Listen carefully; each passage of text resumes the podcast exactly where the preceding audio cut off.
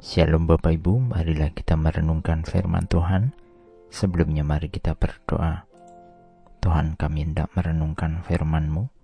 Roh Kudus pimpinlah kami. Di dalam Tuhan Yesus kami berdoa. Amin.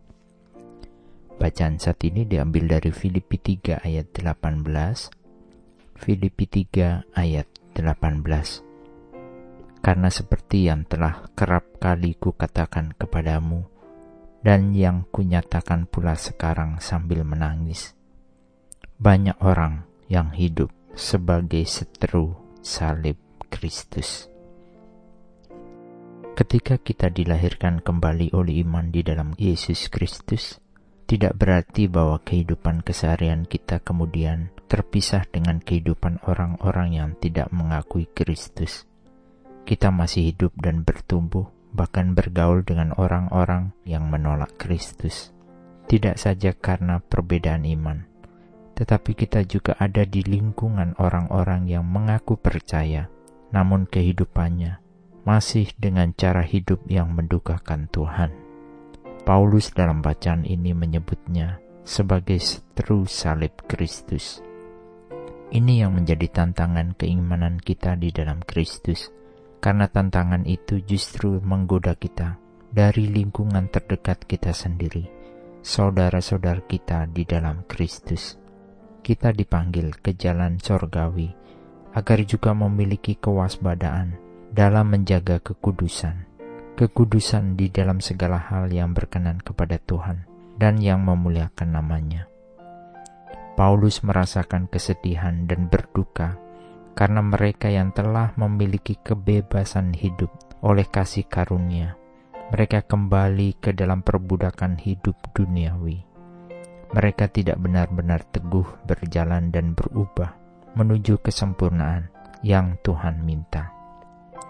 Yesus juga mengingatkan bagi para pengikutnya untuk tetap teguh dalam iman, berjalan dalam roh dan kebenaran, dan jangan hidup menurut kebenaran mereka sendiri dengan menolak tuntunan Roh Kudus.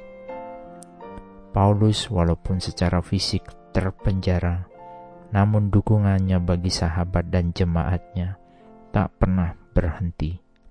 Ia menasihati untuk bertekun senantiasa, seperti tertulis di dalam Filipi 1 ayat 27. Hanya hendaklah hidupmu berpadanan dengan Injil Kristus, supaya apabila aku datang, aku melihat, dan apabila aku tidak datang, aku mendengar, bahwa kamu teguh berdiri dalam satu roh dan sehati sejiwa berjuang untuk iman yang timbul dari berita Injil.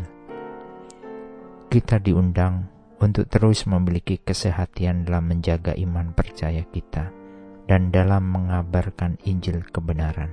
Dan kiranya ketika kita menjalani hidup di dunia ini, kita tidak membiarkan apa pun mengganggu perjalanan iman kita. Dan semoga kita siap dan rela mematikan keinginan pribadi dan mau menjalani hidup untuk Tuhan saja. Amin. Mari kita berdoa. Bapa Surgawi sungguh betapa mudahnya sifat dosa lama mempengaruhi pemikiran kami yang dapat menyebabkan siapa pun di antara kami menjadi musuh salib Tuhan. Ini semua karena kesombongan dan pembenaran diri serta ego kami. Jauhkanlah kami dari cara hidup lama dan kedagingan kami ya Tuhan. Di dalam Tuhan Yesus kami berdoa dan memohon. Amin. Tuhan Yesus memberkati. Shalom.